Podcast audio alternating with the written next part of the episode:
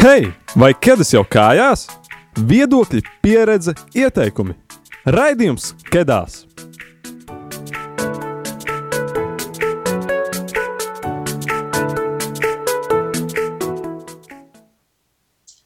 Sveiciens visiem klausītājiem! Tieši tā, tu klausies jauniešu raidījumu Kedās, un 2022. gadā nu jau otro raidījumu, kurš arī ir par vēstures tēmu. Tātad šī mēneša raidījuma tēma ir vēstures stunda numur divi. Pagājušajā raidījumā runājām par vēsturi, kāpēc tas ir svarīgi un, un ko tas nozīmē un kā tas izpaužas arī skolas vidē. To mēs runājam kopā ar jauniešiem, kas, kurus mēs tā sā, iesaucām dēvēt par vēstures ekspertiem.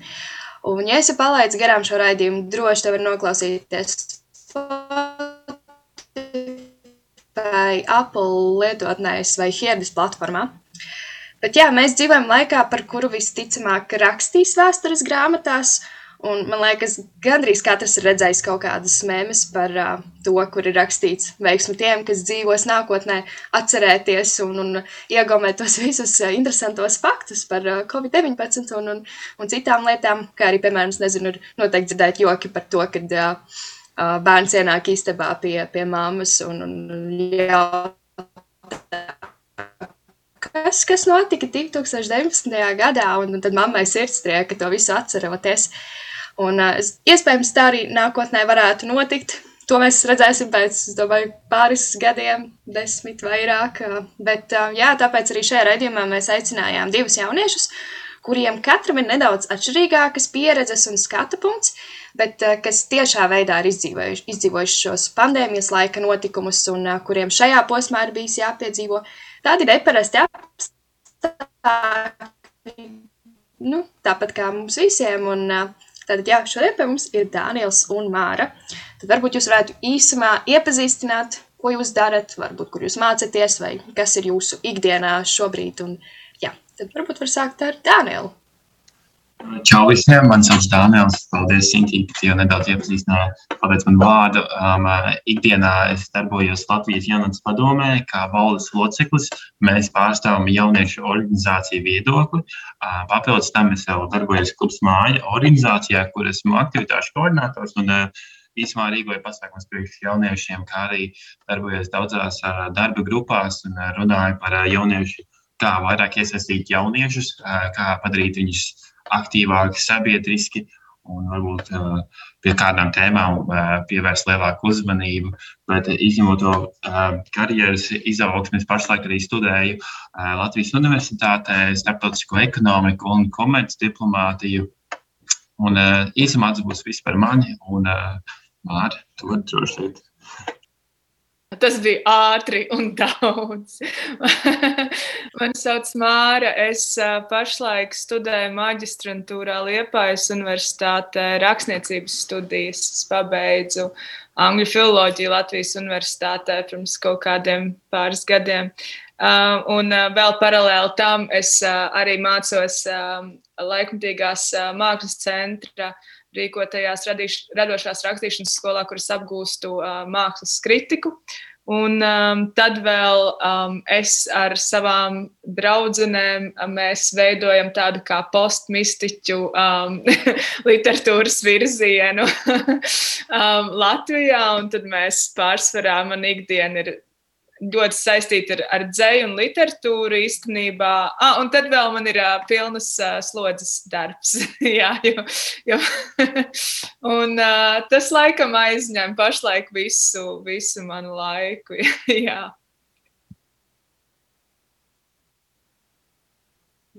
Izklausās, jūs abi tādi ļoti aktīvi jaunieši. Bet, uh, jā, Māru, es dzirdēju, ka Mēs dzirdējām, ka tu rakstīji pandēmijas laikā tādu kā dienas grāmatu. Varbūt var pastāstīt vairāk par to. Jā, dienas grāmata man uzaicināja tajā laikā. Ubis un vēl bija aktīvs. Tas tāds literatūras mēdījis, kas ir zem Latvijas universitātes, bet viņi vienkārši izlēma nogriezt visu finansējumu šim, tāpēc tur vairāk neviens īsti neko daudz nedara. bet, bet tajā laikā, kad vēl bija labie laiki, tad jā, manī Signa Viška burvīgi draudzenē uzaicināja uzrakstīt dienas grāmatu, un tas ļoti organiski arī sanāca. Un tajā laikā tas arī bija tāda meditatīva un terapeitiska pieredze. Un es patiesībā arī turpināju vēl pēc tam rakstīt un pierakstīt kaut kādas lietas par to laiku, kas bija briesmīgs laiks. Jā, kādā formātā tu rakstīji, un vai to varēja arī citi lasīt, vai tas joprojām Um, pieejams? Nu, tikai tās pāris, um, pāris dienas, ko es ieliku internetā, bija jā, visiem pieejams. Man tajā laikā arī bija uh, blogs, bet es uh, to esmu izņēmusi ārā, jo es gribēju strādāt um, nu tā, ar sevi divu vientulībā, laikam vairāk, tad es jutos brīvāk. Um, bet jā, nu, tas, tas, man, tas man palīdzēja kaut kā sakārtot uh, visas tās lietas, kas ar mani notika tajā laikā, kad sāka, sākās pandēmija. Tas bija, tas bija galvenokārt man. Es uh, negribēju domāt, vai visiem būs interesanti to lasīt un tādā garā, bet uh, nu, jā. Jā. Un, uh, vai nebija tā, ka tu iesāki rakstīt, un tad kādā brīdī bija tāds, ai, es atmetu tam ar roku, un, un var, varbūt bija kāds tieši atbalsts un, un tā. Um, nē, nu, tad, kad sākās pandēmija, es, um, man vispār bija tāda interesanta laiks dzīvē. Es tikko biju palikusi par bezdarbnieci, man draudzene ielika reanimācijā. Un man sākās beigiem urgi un palika slēgums caur to.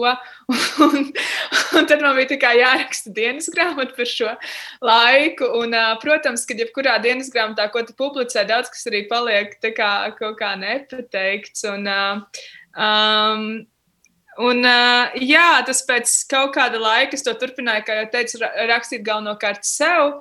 Un, uh, tas, tas tiešām pārtrūka. Es tagad, teiksim, vairāk nerakstu dienas grāmatu, tāpēc, ka man ir ļoti droši cilvēki apkārt. Teiksim, tad tā bija mana vienīgā draudzene, kas man nebija klāta. Man patiesībā tas bija tā tāds glābiņš šī dienas grāmata. Vien, man vajadzēja kaut ko darīt, man vajadzēja kaut kur sevi likt. Jo, nu, tad, ja tu izēj ārā uz ielas, tur nav neviena cilvēka, neviens nekur nevar iet, neviens nevar nevienu satikt. Uh, tu jūties slikti, ja tu kādu uzaicini ciemos bez mazvai, jo tur pandēmija, lai gan tajā laikā jau tie saslimušie nebija 9000 kā tagad, tas bija daudz mazāk, bet tas, um, tas stresa līmenis tajā laikā, man liekas, ka pieprasīja tādas lietas kā dienas grāmatas cilvēkiem rakstīt, lai viņi varētu um, kaut kā pareflektēt, būt ar sevi, just, ka kā, viņiem ir kaut kāds balsts, varbūt tekstā.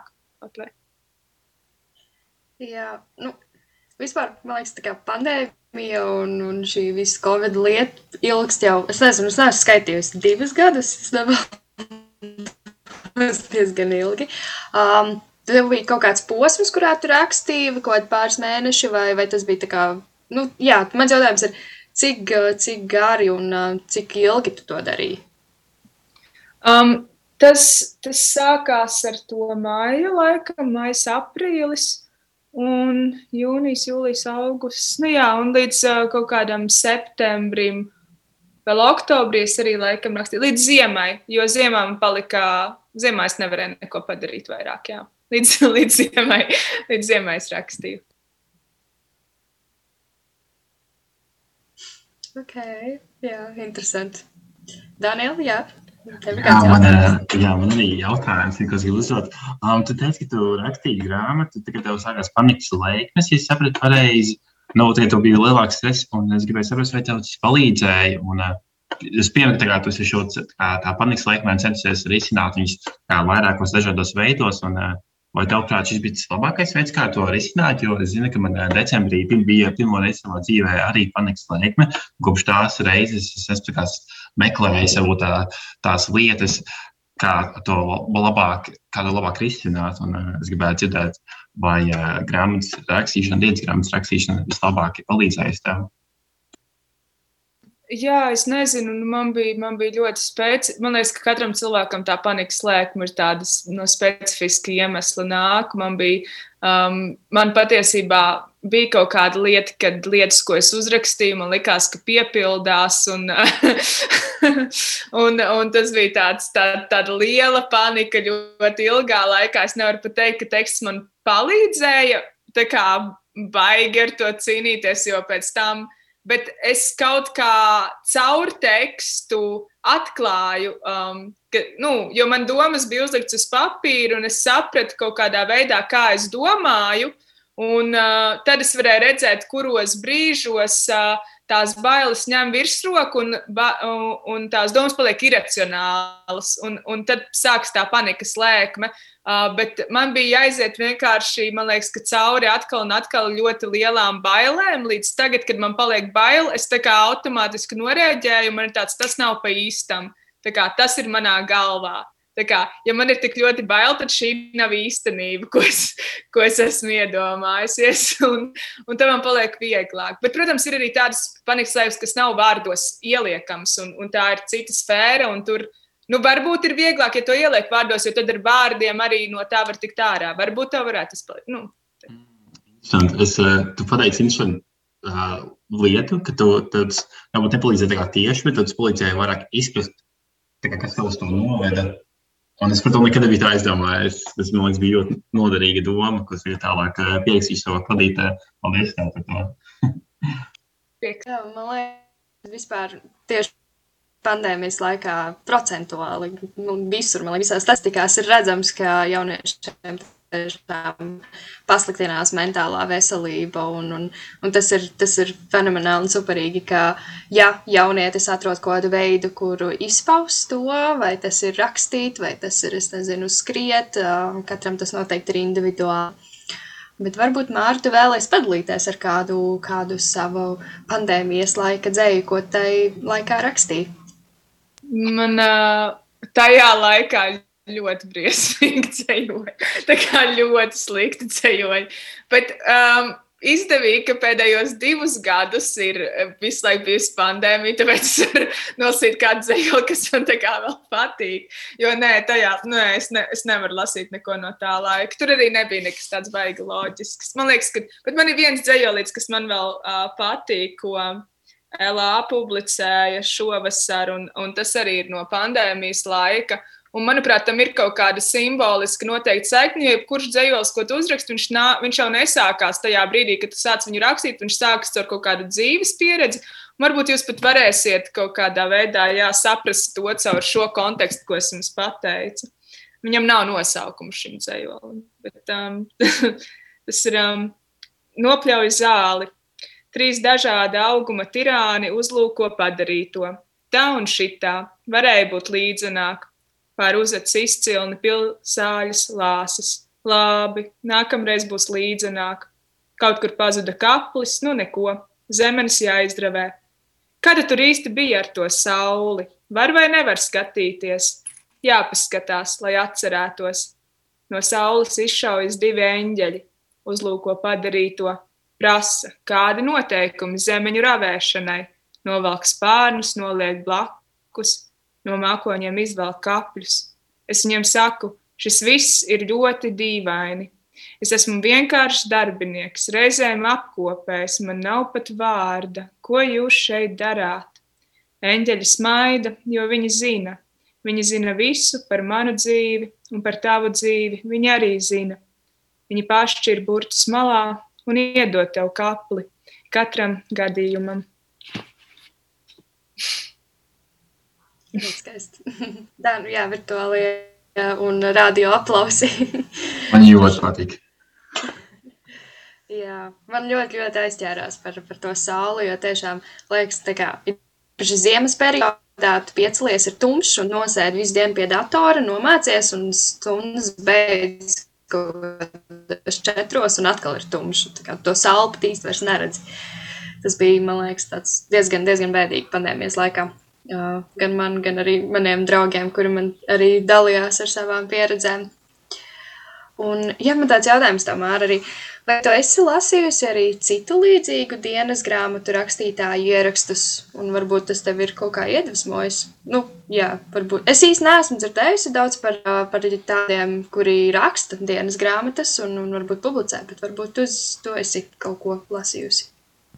Jā, tajā laikā um, Uh, Upisuns publicēja arī vienas manas draudzenes Līves kuklas dienas grāmatu, kas man likās ļoti smieklīga, un arī punktums publicēja tādu kā vairāku dažādu cilvēku kolāžu ar tā kā ārprātīgi tas man palīdzēja.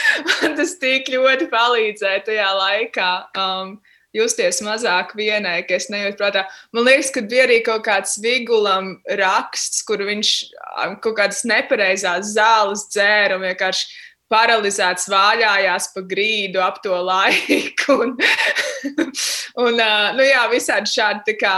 Um, nedaudz, um, nedaudz dīvaini gadījumi noteikti, noteikti palīdz paskatīties arī uz, uz, uz sevi ar humoru un justies kā mazāk viens par kaut kādām uh, jā, panikas lēkmēm un, un, un prāta lietām, nomāktību. Tādu. Paldies! Ok, Daniel, kā, kāds ir tavs unikālais stāsts? Uh, kā tevi globālā pandēmija ietekmēja tavus dzīves notikumus? Oi, tas uh, um, ņemot vērā tas, to, ka pandēmija sākās tik sen atpakaļ, ļoti grūti atcerēties, varbūt kādi man tā brīža plāni, kas bija tās lietas, ko es gribēju brīdī darīt. Jo zinu, kad pandēmija sākās, ka man jau bija saplānot nākamie divi, trīs mēneši pilnībā. Un es atceros, ka tad, Tagad sākās pandēmija, tā kā nu, visu atcēla simtprocentīgi. Tad vēl nebija cilvēku, kas nezināja, kas ir Zoom, ne MS Teams, vai vienkārši nezināja, kā tiešsaistē visu darīt. Un, uh, es atceros, ka es pirmo nedēļu vienkārši sēdēju. Es atceros, ka reāli pirmajā nedēļā tiešām, man liekas, visu nedēļu, visu dienu vienkārši nosēdēju Instagramā, Facebookā desmit stundas.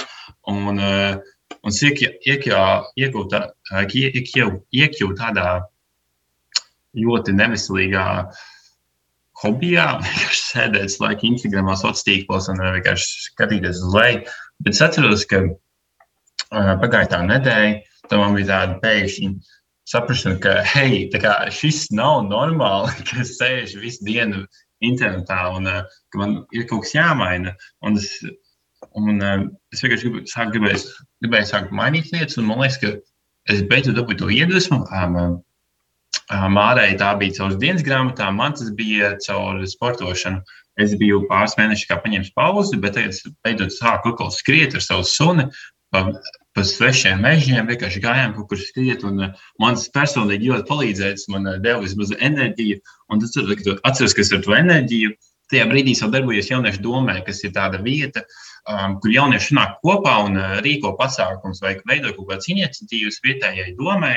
Un es atceros, ka Un man bija tāds, ka, ok, mēs nevaram tikties klātienē, ko mēs varam darīt attālināti. Tas ir tā lieta, ko mēs varam eh, attīstīt. Un es atceros, ka tas bija tas brīdis, kad es sāku um, veidot tādus tīklošanās pasākumus starp organizācijām, starp jauniešu domēm, kas tajā brīdī bija patiešām tāda, nu, tāda mistiska lieta. Neviens to nebija sācis darīt. Un, eh, man liekas, ka es to brīdi vienkārši ļoti izmantoju, lai tīklotos attālināti. Jo, lai dzīvē satiktu cilvēkus, es paņēmu ļoti daudz laika, bet attālināti es varēju stundas laikā iepazīt kādus 300 cilvēkus. Un, un man liekas, ka tas līdz šodienai man ļoti daudz devis. Un, tas, man liekas, ja pandēmija nebūtu notikusi, man liekas, es nebūtu iepazinis tos cilvēkus, kurus iepazinu. Un, ja viņas nebūtu iepazinis, man liekas, es nebūtu tur, kur es tagad esmu.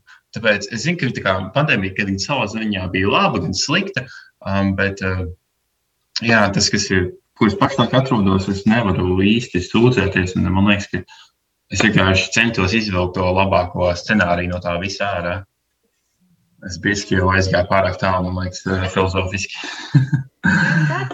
Kā bija ar, ar savu izlaidumu? Jo tu neminēji, bet tu esi no Limbažiem, kas ir ārpus Rīgas, un tu noteikti pabeidz 12. klasi un biji vidusskolas absolvents, kuram bija tāds, ah, kāda pandēmija, kur, kur ir mans perfektais izlaidums ar perfektu uzvalku vai kleitu. Un kā, kā tu biji, izpa, nu jā, kad biji iedomājies to savu izlaidumu un kā tas realitātē izpaudās tev? Nu jā, es pirms pie, pieminēju, ka man ir pašlaik 19 gadi, un uh, tagad es studēju pirmajā kursā, un es tikko pabeidzu Limbaģa valsts gimnāziju. Mums Mums bija tāda unikāla situācija, ka mēs savu izlaidumu palikām speciāli mēnesi uz priekšu, tā kā vasaras vidū, kaut kur gandrīz pie augusta jau, lai tas izlaidums varētu notikt. Viņš, ne, viņš protams, notika ārtelpās, un es atceros, ka viņš notika blakus ceļam, un ik brīdim, kad fūra brauca garām, neko nevarēja dzirdēt, ko cilvēki runā tumbās. Un, uh, bija, bija arī šausmīgi karsts. Es atceros, ka mēs tur daudz bija uzlogos atnākuši, un vienkārši visi bija galīgi kā sarkani tomāti. Nu, bildēs arī mēs esam visi galīgi sarkani. un, uh, varbūt nebija, uh, es neteiktu, ka um, uh, izlaidums būtu savā ziņā pārāk izdevies, bet uh, man liekas, viņš bija unikāls un savā ziņā arī skaists. Un, man bija prieks, ka mēs varējām svaigā gaisā sēdēt, jo uh, man 9. klasē bija tāda pieredze, ka mēs sēdējām iekštelpos un vispār neveidināja telpas, kur vispār nebija gaisa. Tāpēc bija labāk nekā 9. klasē. Un, uh, un es esmu cilvēks arī, kas. Nepārāk arī gaidīju to 12. klases izlaidumu. Tas man nelikās kā pārāk liels notikums. Tas likās vienkārši kā mazs ķeksītis manā dzīvē. Un, uh, Varbūt tāpēc tas ir tas iemesls, kāpēc varbūt nepārdzīvoju par to pārāk ļoti. Jā, es ticu, ka tev arī um, jaunietim, kurš dzīvo ārpus Rīgas, um, jā, bija tās ambīcijas un bija tā izplānots aptuveni tavs tie pirmie studiju mēneši un tagad jau lielajā galvaspilsētā. Un, bet tu atbrauc uz Rīgu un man liekas, diezgan, nu, kaut kāds posms bija attālināti studijās un es nezinu, kā ar šobrīd, bet uh, Vai, vai tev ir esmu, kaut kādas bēdas par to, ka tev nav tā iespēja, kas varbūt bija pirms vairākiem gadiem citiem jauniešiem? Es būšu atklāts. Es zinu, ka daudziem nepatīk kā tālrunāt, bet es vienkārši šo iespēju dievinu. esmu tik gandarīts iekšēji. Protams, esmu nedaudz vīlies par to. Mums bija tā, ka pirmie mēneši, ja es atceros pareizi, bija klātienē, Un bija forši, ka varēja vismaz pirmos divus mēnešus iepazīt savus kursu pietus un vismaz parunāties ar viņu vienu reizi, saprast, piemēram, kas viņam garšo, kas viņam negaršo un tam līdzīgi tās pamat lietas. Um, tad mēs pārgājām attālināt. Man liekas, mēs paspējām uztaisīt vienu klasu kursa saliedēšanās pasākumu, un tieši pēc tā saliedēšanās pasākuma, man liekas, ka nedēļa vēlāk viss universitāte aizgāja attālināti. Un kopš tā, tas man liekas, bija novembrī, un kopš tās reizes īsti nevienu no kursa neesmu saticis. Līdz pagājušajai nedēļai, kaut arī visu joprojām ir attālināti, mēs pirmos divos mēnešos iepazināmies, un es sapratu, kuri tie cilvēki, ar kuriem es gribu turpināt komunicēt. Un, uh, mēs uh, pirms divām nedēļām izveidojām tādu WhatsApp grupu, kur mēs visi sanācām kopā kaut kādi astoņi cilvēki, un mēs kopā pavadījām veselu dienu, mēs aizbraucām slēpot. Un par to, ka viss ir attālināti, vēl joprojām plāno attālināt līdz februāra beigām, man liekas, ka tas ir pišķi ilgāk. Savā ziņā tas ir slikti, ka varbūt es ne, neuzņemu tik daudz informācijas, kā es klātienē neuzņemu. Un, protams, arī nedaudz bērni, kas tos cilvēkus nevar satikt dzīvē. Bet man liekas, ka tas, ka es varu atrasties jebkurā vietā es varu aiziet, piemēram, uz darba biroju, es varu sēdēt mājās, varu paralēli kaut ko darīt. Man liekas, tas vienkārši ietaupa ļoti daudz laika, ko es varu atvēlēt citām lietām. Vai arī, vai arī nevis, ka tam nav obligāti jābūt produktīvam, varbūt tajā brīvajā laikā, ko es būtu pavadījis transportā, es vienkārši varu aiziet skriet, vai arī sākt kaut ko rakstīt, piemēram. Tad es saprotu, ka nākotnē saviem bērniem stāstīsi, ka tev šis bija iespēju laiks. Ja? Jā, noteikti tā būs. Un, uh, es kaut arī nedaudz bēdīgi. Es sapratu, ka kaut arī šis ir iespēja laiks, ka es tāpat tās cenšos ar cilvēkiem satikties vienu pret vienu. Um, jo es saprotu, ka man ir ļoti svarīgi, esmu ekstraverts, man ir ļoti svarīgi cilvēku konteksts. Tāpēc es ik pa laikam cenšos ar cilvēkiem satikties ar vienu, viens pret viens, lai tur kā, lai es neiekristu kaut kādā melnajā vedrē un eh, nejustos varbūt mentāli pārāk slikti. Paldies, paldies, Daniel. Jā, tādi divi interesanti pieredzes stāsti. Um, no pandēmijas laika, kurā mēs īstenībā joprojām dzīvojam, bet uh, jā, es ceru, ka iespējams pēc kāda laika jaunieši, kas klausīsies Spotify, viņam būs tāds ēmušs, šis ir garām un, un viss ir aizgājis. Bet uh, tad dosimies mazā mūzikas pauzē, kurai dziesmu ir izvēlējies Daniels. Daniel, tu vari pasāstīt, kas šī ir par dziesmu un kāpēc tieši šī dziesma? Šī šo dziesmu, Phineas of the Kids Are Dying, um, viņi izklausās varbūt kā pēc nosaukuma diezgan uh, nu, nepārāk labi, bet uh, šajā dziesmā pastāsta par to, ka galvenokārt ka uzmanība tiek vērsta uz tādām ļoti vispārīgām lietām, ne uz specifiskām lietām, manuprāt. Un, uh, liek nedaudz aizdomāties par to, ko, ko mēs ikdienā runājam, varbūt par ko vajadzētu runāt. Un, ļoti filozofiski ja aizdomājies. Ja, klausītāji paliec kopā ar mums un tiekamies pēc pāris minūtēm.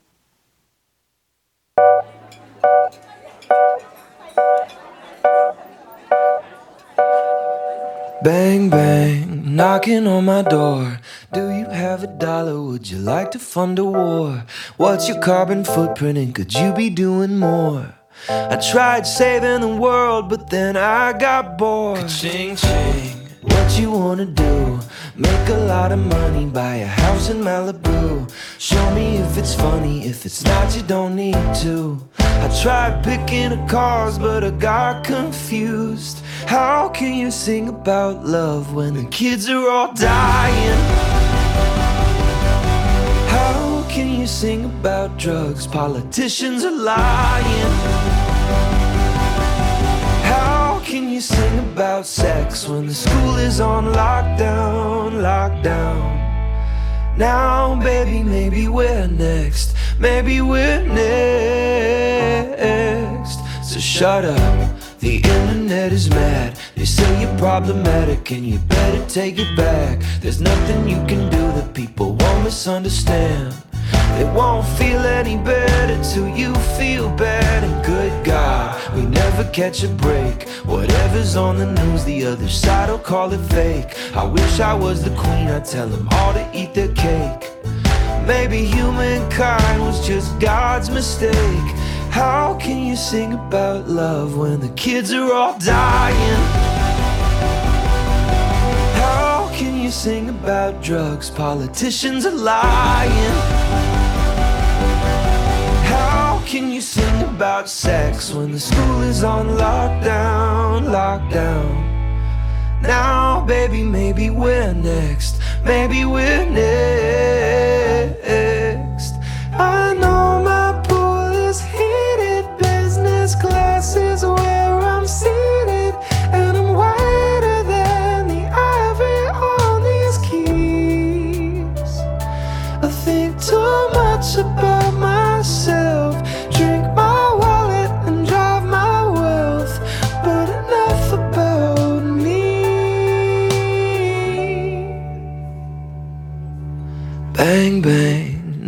On my door.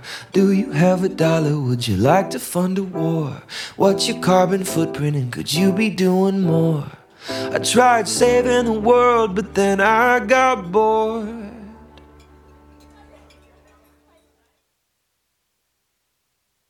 Ēterā raidījums Kedās. Un mēs esam atgriezuši, atgriezušies no mūzikas pauzes. Un, jā, tu klausies jauniešu raidījumu, kadās šajā mēnesī pār vēsturi turpinām mūsu šo šādu tādu kā ciklu. Un nu, jau otrais raidījums par vēsturi. Šodien pie mums ir divi superīgi jaunieši, kuri dalījās, pirms mūzikas pauzes dalījās pieredzē par to, kāds ir viņiem bijis šis pandēmijas laiks. Bet uh, turpināsim šo raidījumu. Mums vēl ir diezgan daudz laika. Un, uh, lai dzirdētu jūsu tādus kā viedokļus un, un, un jūsu prāta pieredzes uh, un par to, par vēsturi un kā tas ir vispār izdzīvot vēsturi. Jā, un uh, pirmais jautājums, kurā mēs gribētu dzirdēt jūsu pieredzi, ir, vai tavuprāt mēs vēsturē atstāsim savas pēdas? Māri, varbūt tu vēlēsi šo atbildēt pirmā. Tāds, ā, es varu, jā, labi. um, manuprāt, um, vai mēs atstāsim vēsturē pēdas, um, varbūt jādomā, kā, cik ilgā vēsturē, jo, piemēram, pēc 20 gadiem, kad pieņems, ka, ka mums būs bērni, tad, ja mēs, kas mums šodien notiek, jau arī vēsturē, tas, kas vakar notiek, ir vēsture. Um, un, manuprāt, ka mēs atstāsim kaut kādas veida pēdas. Man liekas, šis laiks būs tas brīdis, ar ko asociēs, ka ļoti strauji pārēju uz internetu, uz attālinātajām lietām, uz, uz tādu labu globalizāciju, ka cilvēkiem tagad ir ar vien vairāk iespējas komunicēt attālināti ar vienu ar otru. Un, man liekas, ko kopīgi kā sabiedrība mēs atstāsim milzīgas pēdas. Un šīs būs tiešām būs tādas, kā Sintīna sākumā teica, ko grāmatās mācīs. Un, diemžēl, jauniešiem būs jāmācās, kas tur īsti notika pēc 40 vai 50 gadiem. Mārķis, kā tu to skaties? Jā, nē, nu es ceru, ka šis, šī desmitgade atstās tikai un vienīgi pandēmijas pēdas. Ņemot vērā, kā mūs jau tagad biedē ar visām ziņām, man patiesībā liekas, ka tas, kas notiek tagad, ir izturams daudziem cilvēkiem, pat ja tas kaut kā mentāli, nu, protams, ietekmē un arī daudzi. Daudz cilvēki iet bojā, tas tomēr nav tik traki, ar ko varbūt bija jārēķinās mūsu senčiem. Tādas kādus 50 gadus tikai atpakaļ. Un, um, un tad, ja mēs skatāmies 50 gadus uz priekšu, es domāju, ka noteikti jā, um, viss, kas notiek, atstāja kaut kādas pēdas. Es, uh, es tikai ceru, ka, ka, jā, ka tās būs uh, tādas uzvaras pēdas, ko mēs atstāsim. Mēs, mēs kļuvām labāki, mēs kļuvām iecietīgāk, mēs vairāk novērtējam laiku viens ar otru. Tā kā, nu, kaut kādas tādas pēdas, man liekas, būtu jauki. Jā. es gribu uzreiz piebilst pie tā, ka tu pateici, ka mēs kļuvām iecietīgāki, jo es pamanīju, ka arī šajā pēdējos divos gados, kad cilvēki ir tiešām kļuvuši daudz iecietīgāki, kā tu teici, ka mēs esam, vismaz ko esam pamanījuši savā apkārtējā sabiedrībā, kopš pandēmijas sākās, ka cilvēki palikuši daudz atvērtāki pret visu veidu idejām. Ir arī pāris specifiskas lietas, kur cilvēki palikuši daudz uh, nopietnāki, bet kopumā man liekas, ka cilvēki palikuši arī daudz atvērtāki. Un, uh, jā, es vēlēs to piebilst. Jā, un tagad parunājot vairāk par tādām materiālām vērtībām, un uh, kas būs muzejos no mūsdienām, kā jums šķiet, kādas lietas būs muzejos, vai būs kāds dators vai kas tāds. Maskas simtprocentīgi. Dažādās sadalīšanas pakāpēs, es domāju, maskas varētu būt. Jā. Gan jau sociāls kaut kāds visticamāk. Jā. Man liekas, ka tur varētu būt uh, visi iespējamie Covid testu paņēmieni, Um, tas ir viens arī maskas, um, kas vēl varētu būt um, visādi masku dizaini. Um, varbūt arī tāda laika līnija, kad, kad jauns covid parādījās, kāds variants. Um, bet, uh, nu, jā, um, es domāju, ka tas varbūt, varbūt izņemot covid, um, bet ļoti grūti pateikt. Man liekas, ka mm, grūti iztēloties, kas var būt ārpus covid, bet uh, covid lietās man liekas, ka šī dekāda, eh, šī desmit gadi būs eh, tas, ko cilvēki atcerēsies, būs Covid lietas pārsvarā. Un eh, man liekas, ka, diemžēl, uz citām lietām viņš pievērsīs mazāk lietas.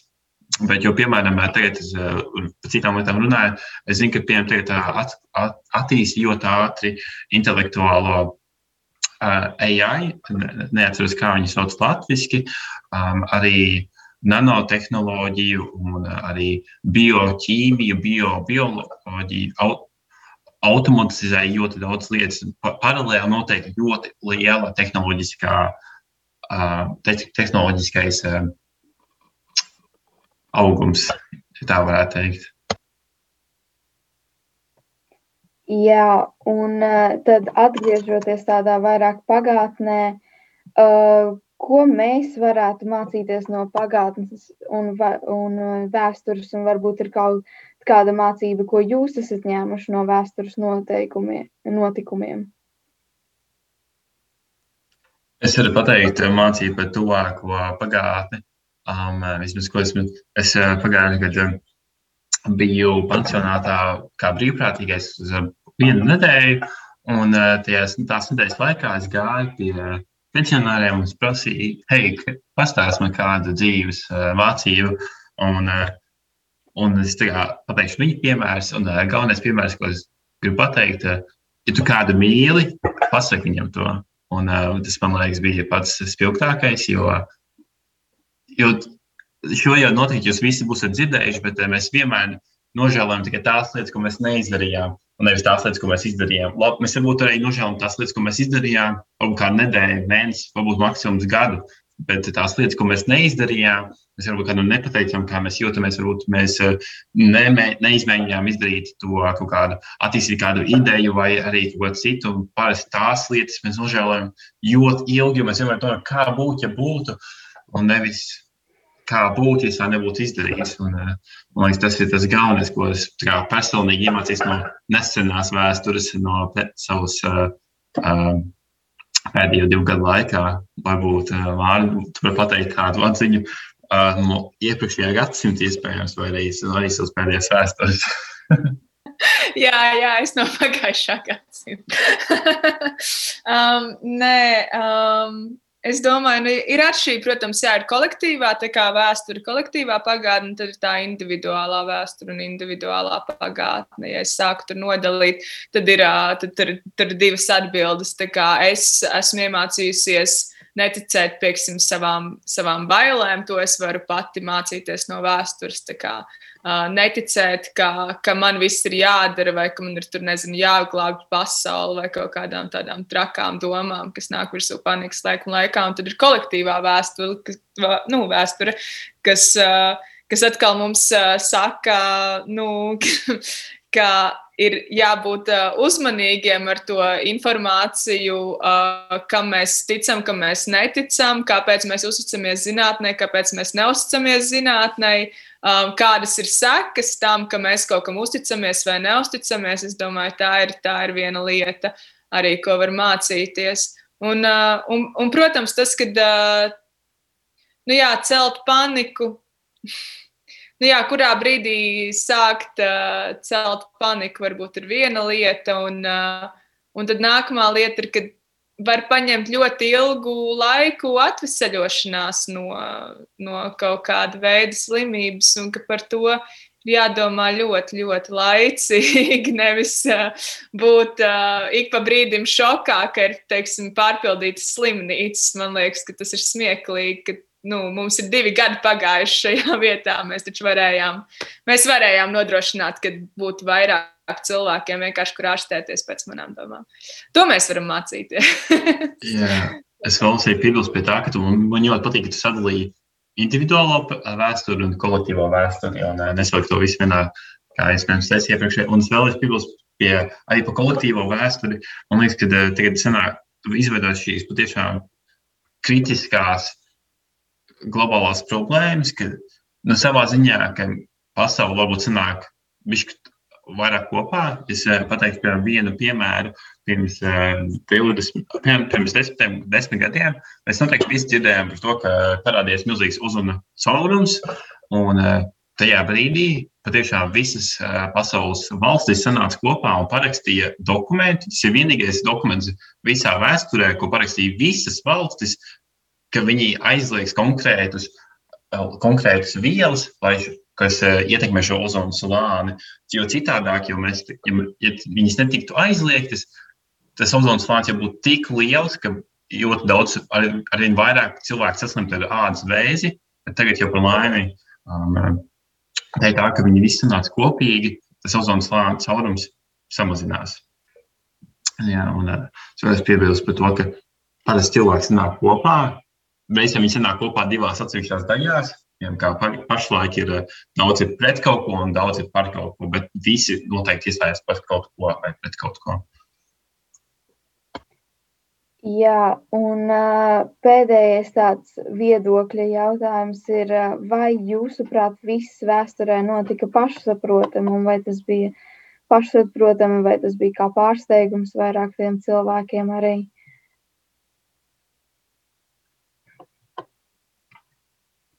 Viss, viss ir pārsteigums. Te nu kā to ņēma? Nu, kaut kādā ziņā, protams, ka vēsture atkārtojās. Mums jau vienreiz bija mēris, bet man tomēr liekas, ka, lai kas ar mums notikt, mēs nekad negaidām, ka tas notiks vēlreiz. Mēs vienmēr esam tā kā nezinu, jaunā prāts iemests pasaulē katru dienu, pirmā diena bez mazliet, man liekas, ka, un īpaši arī tāpēc, ka paudzes jau nomainās, man liekas, ka katrai paudzē ir tas uh, sloks kaut kāds sākt uh, visu no jauna, sākt visu no sākuma.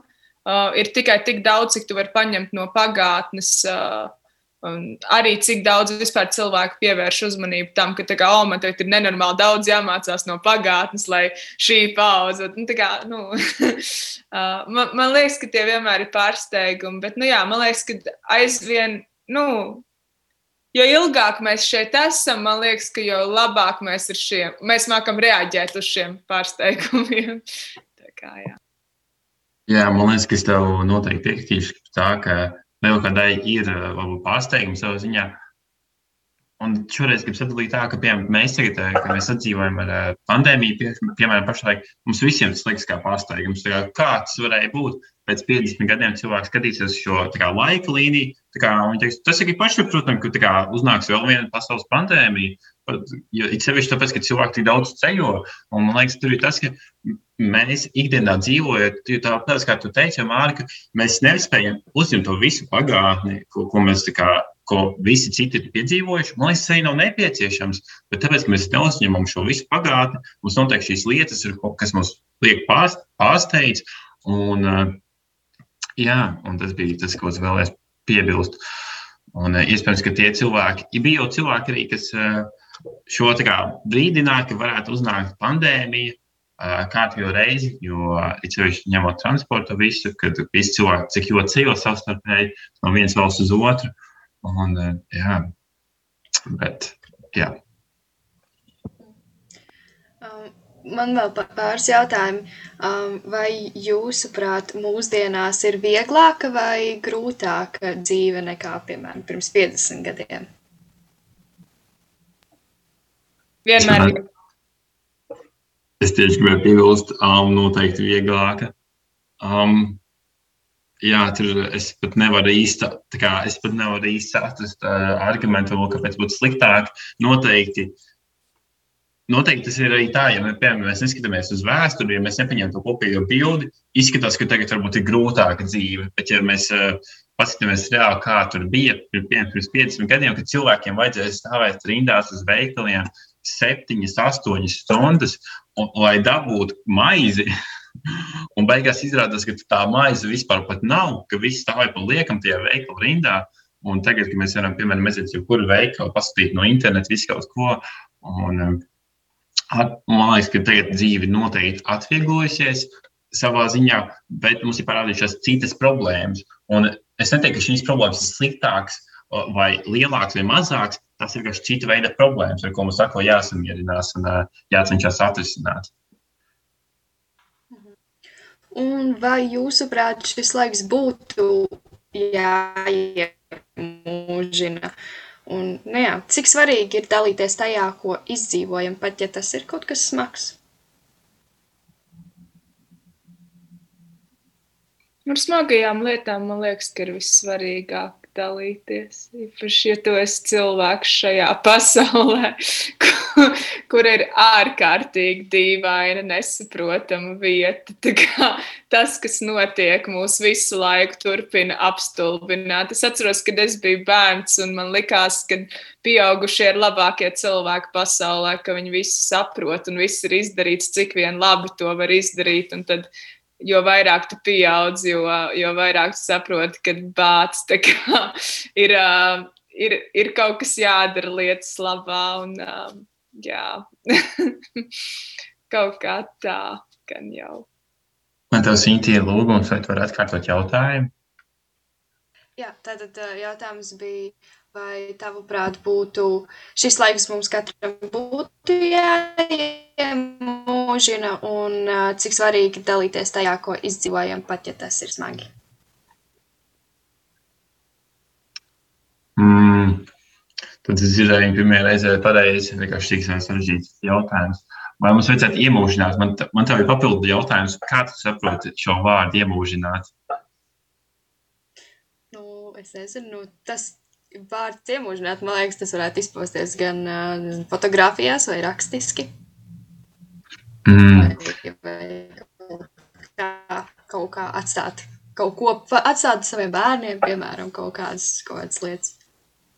Man liekas, ja es, ja es domāju, personīgi, ko iemūžināt, kā teikt, es, es, es iemūžināju, kas, kas iestājās, piemēram, desmitajā klasē, kas pārmanīja pilnībā savu vidi, ko es biju kaut ko tādu, ko tā, kas ļoti gribēju darīt vairākus gadus, tāpēc, ka sākuma skolā, pamatskolā es nebiju tas pieņemtākais jaunietis.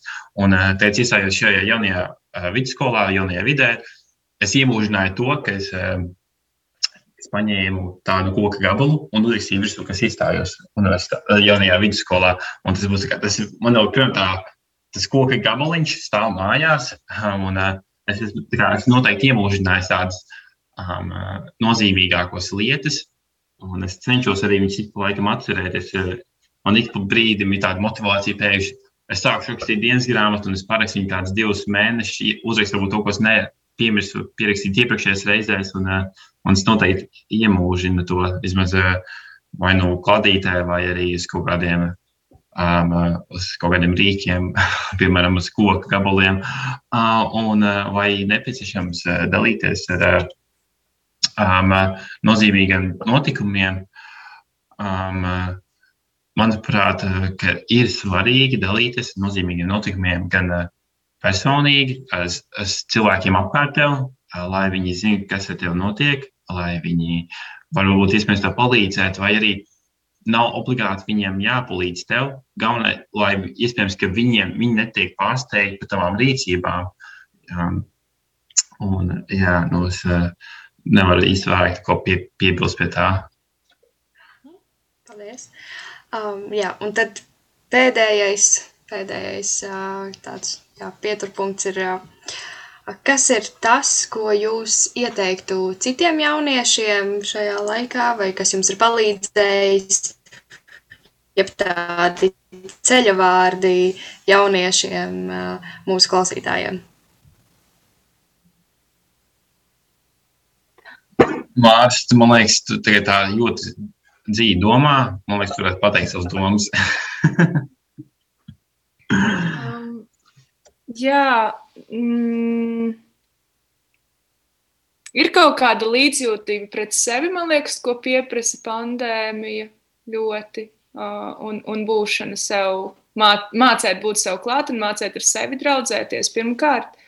Um, jo, manuprāt, mēs uh, vairāk laika pavadām ar savām domām šajā laikā nekā ar visādiem citiem viedokļiem. Un ir ļoti svarīgi, nu, jā, es novēlu mācīt, uh, mācīt atšķirt, kuras ir tās domas, kas kā, palīdz un mierina, un kuras ir tās domas, kas iespējams kaut kādā veidā var, var sabotēt mūsu pašus, vienkārši padarīt dzīvi grūtāku. Jo Um, tas, vai visam ir jēga, vai visam nav jēga, ir ļoti relatīvi. Un, uh, es domāju, jā, galvenais ir izbaudīt, mēģināt izbaudīt šo, šo braucienu un, un sajūtas, lai, lai kādas tās būtu, un, un lai, lai kur jebkurš jaunietis atrastos. Tā ir tāda kā pieņemšana, pret katru atsevišķo sa, no, sajūtu, jo visiem kādreiz ir bijis grūti, un tā līdzjūtība pret sevi var pārvērsties arī līdzjūtībā pret cilvēkiem mums apkārt. Un man liekas, ka tas ir. Um, tas padara vienkārši, lai viegli dzīvot. tas ir viss. Un uh, tas, ko es pateikšu, par laimi, man bija bijis ilgāk laiks padomāt, jo Māra atbildēja pirmā. Paldies tev par to. Un es domāju, es domāju, un es pirms piecām sekundēm tikai atcerējos šo. Es pirms uh, nedēļas konf vienā konferencē teicu runu, kuras runas beigās pateicu šo citātu. Viņš, diemžēl, bija angļu valodā, un es tagad centos viņu pārtulkot uz latviešu valodu. Es nezinu, vai tā doma īstenībā vēl paliks, bet uh, citāts sako šādi: ja vēlaties veikt pārmaiņas, tev jābūt neslaitīgam un nepadodies. Jāpanāk, lai tavu balsi dzird. Tāpēc uzdod jautājumus un esi drošs par tiem. Un ko es gribētu pateikt, ka mums vienmēr ir. Mums vienmēr, piemēram, klases stundā, vai arī darbā, vai arī jebkur, kur tu atrodies, tev reizēm ir tā sajūta, ka tu gribi kaut ko piebilst, bet tu baidies, varbūt, ka citi to nepieņems. Un es gribu iedrošināt tevi pašlaik, pasakt to, un uh, tici vai nē, ilgtermiņā tu par to būsi laimīgs, jo tev nebūs šī nožēla, ka kad, kā būtu, ja būtu, ja, es būtu to pateicis. Un, uh, tas ir vienīgais, ko es gribētu tā galvenokārt iedrošināt cilvēkus. Super. Lielas, liels paldies. Paldies, Māra, par, paldies, Dānijā, par to, ka piekritāt un piedalījāties. Kā arī, jā, paldies, paldies visai komandai, Kedās, un, un, un noteikti tiekamies nākamajā raidījumā. Un obligāti piesako mums sociālajos tīklos, Jo diezgan bieži tur ir visādi jaunumi no mums, un, un pat ir iespēja piedalīties mūsu raidījuma tapšanās, tapšanā ar saviem viedokļiem un ar saviem pieredzes stāstiem. Tā kā noteikti piesako un seko mums. Seko mums, jā, man Daniels jautā, kur ir jāseko. Jāseko ir Instagramā, etraidījums kedās, Facebookā arī kā kedās un Spotify un visās citās, kur var noklausīties mūsu raidījumus. Tā kā jā, tiekamies nākamajā mēnesī. Tā! Tā, paldies! Tā, paldies, Helsinkī!